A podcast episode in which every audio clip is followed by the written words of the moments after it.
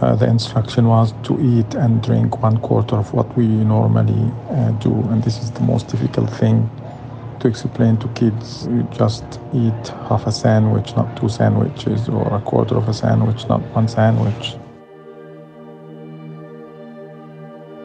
Så å si ingen kan dra inn på Gazastripa, og ingen kommer seg ut. Før kjørte det mange lastebiler inn i området om dagen, med medisinsk utstyr og med diesel. Folk her har vært avhengig av nødhjelp lenge. Men i to uker så kom det ingenting. Den siste uka har det kommet litt, men langt fra nok. Folk mangler vann, folk mangler mat, og de mangler strøm.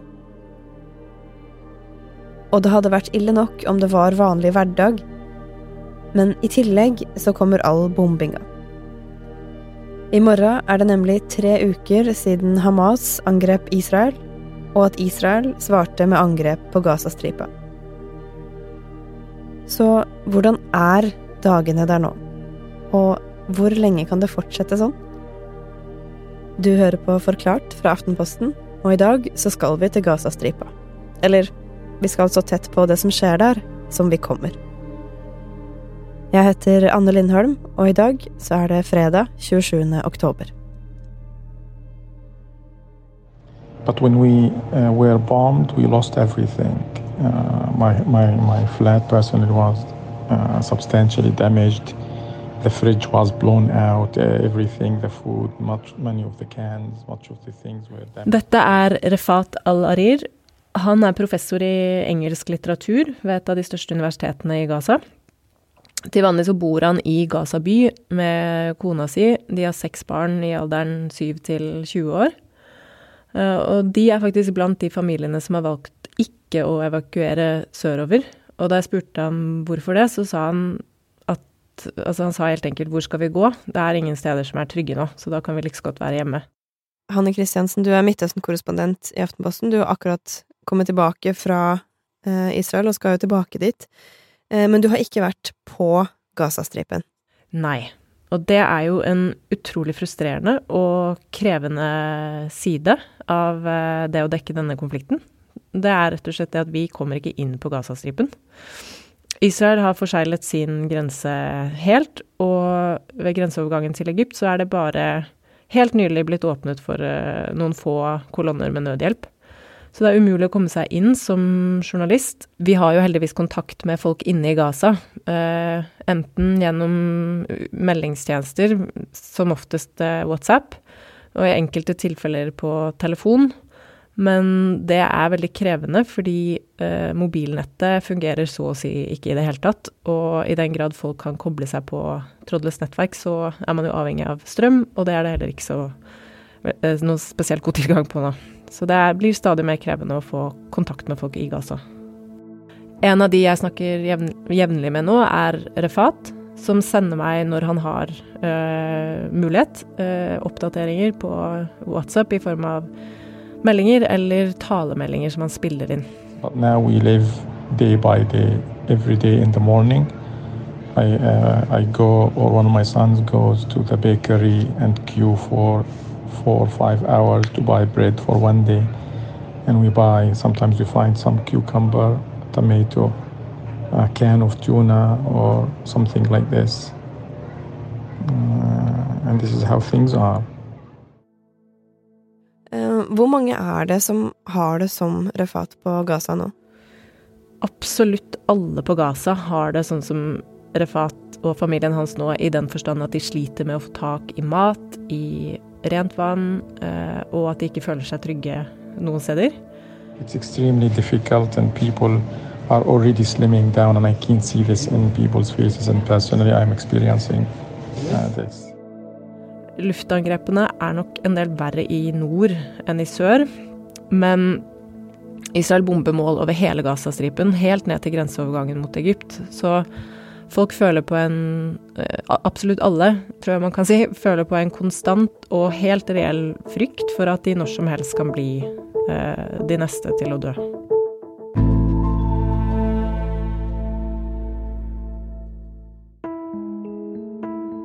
we hear bombing voices all the time and we see fires from the window. We feel so afraid of that.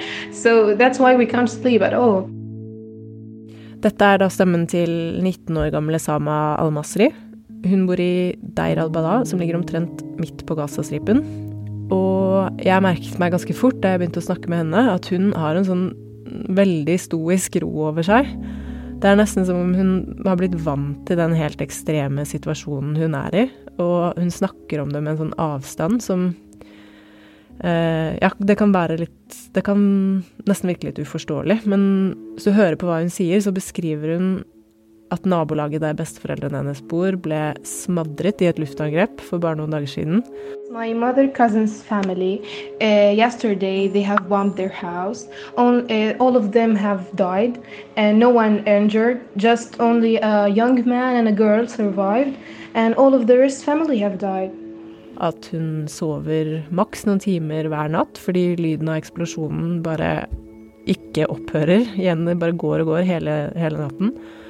Uh, og hun beskriver hvordan hun våkner hver morgen og er takknemlig for å være i live, men at det første hun gjør, er å sjekke nyhetene for å se om noen hun kjenner, er blitt drept. For the sleep, it's a little bit hard to sleep enough. We sleep from one hour to three hours maximum uh, because the situation at night is getting worse and they bombed many houses um, uh, one after other. Uh, det slår meg når jeg snakker med veldig mange forskjellige folk og familier på Gaza nå, at nesten alle forteller det samme. De bor oppå hverandre fordi det er så mange som har måttet evakuere og har fått hjemmene sine ødelagt, at de samles på de samme stedene i stor grad. Der er det ikke nok madrasser til at alle kan sove eh, relativt komfortabelt. De har ikke nok mat. De står mange, mange timer i kø for å kjøpe brød hver dag. Det fins ikke vann til å vaske seg i, og det fins veldig begrenset med rent vann å drikke. Og så er det veldig mange som forteller at de deler eh, gjerne ett solcellepanel eller ett aggregat på hele nabolag for å ja, f.eks. få ut mobilene sine, da. Our neighbors have solar cells, so we collect our uh, our phones and we give it to my small brother and he go to their house to charge our phones. Hva har vært liksom hovedbekymringene til nødhjelpsorganisasjoner og FN om situasjonen på Gaza? Alle organisasjonene som opererer på Gaza, beskriver det samme og advarer om det samme. At den humanitære situasjonen er en fullstendig katastrofe nå, og den blir verre dag for dag. Eh, så bekymringen er jo at det ikke skal komme nye forsyninger inn med mat og drikke, men også medisiner og medisinsk utstyr og andre forsyninger som sykehusene trenger for å kunne fortsette å operere det alle nødhjelpsorganisasjonene er ekstremt bekymret for akkurat nå, det er at det ikke skal uh, komme inn mer drivstoff. Uh, for uten diesel til å drive aggregatene, så går Gaza i svart. Og uten strøm så vil man se ekstreme konsekvenser, særlig på sykehusene. For hvis sykehusene går tom for diesel til å drive strømaggregat, så funker ingen av apparatene som holder folk i live. Kuvøser som holder liv i premature babyer, kommer ikke til å funke. Og det gjør heller ikke pustemaskiner.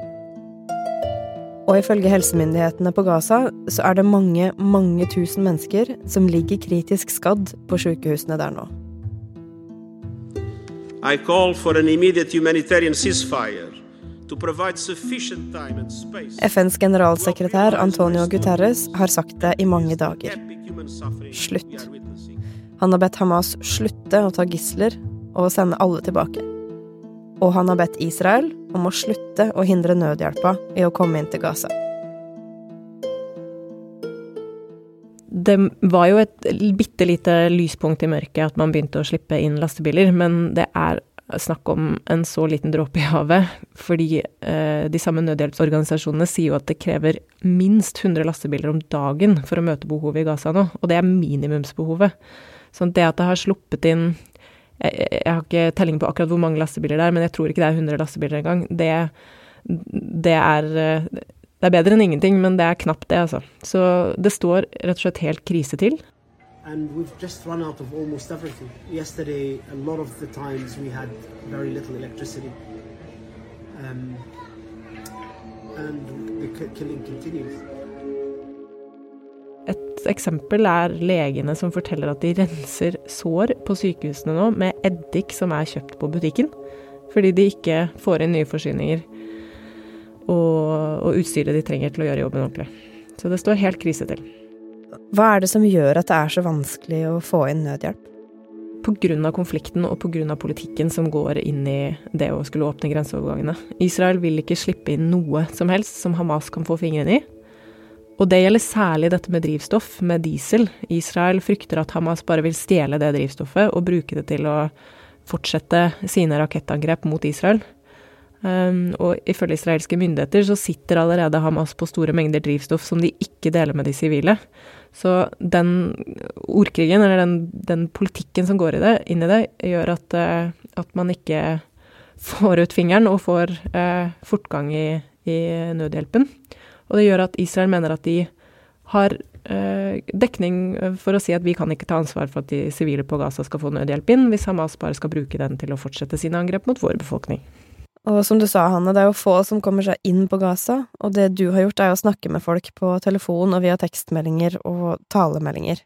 I den situasjonen som alle der er i, så fortsetter de å samle inn bilder og videomateriale og stoff um, som kan gi oss her hjemme bedre overblikk og, og oppdateringer, da. Så de holder jeg kontakt med. Og så eh, er det jo også Jeg tenker at det er veldig viktig å holde direkte kontakt med folk i så stor grad som mulig, sånn at vi også har eh, flere holdepunkter enn bare den strømmen, og, strømmen, av bilder og videoer som kommer ut fra Gaza i, i, sosiale medier, hvor det er veldig mye helt grufulle og uforståelige inntrykk, eh, men hvor det dessverre også florerer en del desinformasjon. Og nå har vi jo hørt fra noen av de som du har snakka med. Hva er det viktigste som du sitter igjen med av det de har fortalt? Jeg er egentlig først og fremst opptatt av å la dem fortelle om hvordan de har det nå. Hvordan dagene deres ser ut, hvilke ut, praktiske utfordringer de står i, men enda mer hvilke, hvilke, hvilken psykisk belastning dette er, og frykten og følelsene de kjenner på, da. Eh, det jeg ikke snakker så mye med folk i Gaza om nå, er politikken i dette her de er i en så ekstrem situasjon både humanitært og sikkerhetsmessig at det, det, det, føles ikke ut som det viktigste å snakke med folk i Gaza om nå. Um, og dessuten vet vi fra tidligere at de, de, også lever under et regime der det kan få konsekvenser å ytre seg kritisk. Så det er mange som nøler med å bruke fullt navn og bilde, f.eks. Uh, og det må vi jo i, selvfølgelig i denne situasjonen respektere. Mm. Hva veit vi om den nærmeste framtida for Gaza, da? Vi vet at Israel sier at de ikke har noen planer om å deeskalere, snarere tvert imot. De har lovet å fjerne Hamas fra makten en gang for alle, og med den befolkningstettheten uh, som er på Gaza, så vet vi jo helt sikkert at det kommer til å koste enormt mange sivile liv. Så vet vi jo ikke hvor lang tid dette vil ta, altså hvor lenge det vil pågå, og hvor ille det vil bli. Um, vet heller ikke hvilken form det vil ta, sånn helt konkret. Det har vært mye snakk om en bakkeinvasjon. Uh, den har ikke begynt uh, helt ennå. Uh, så det, vi, vi, vet ikke helt hvor, hvordan det vil se ut, og hvor lang tid det vil ta, da. Men det vi vet helt sikkert, er at på begge sider av denne konflikten så kommer man nå til å få en ny generasjon med fullstendig traumatiserte barn og unge som ikke kommer til å ha noe annet forhold til hverandre enn krig, konflikt og elendighet. Eh, og som kommer til å få det veldig vanskelig med å se for seg fredelige løsninger på konflikten og en sameksistens mellom israelerne og palestinerne.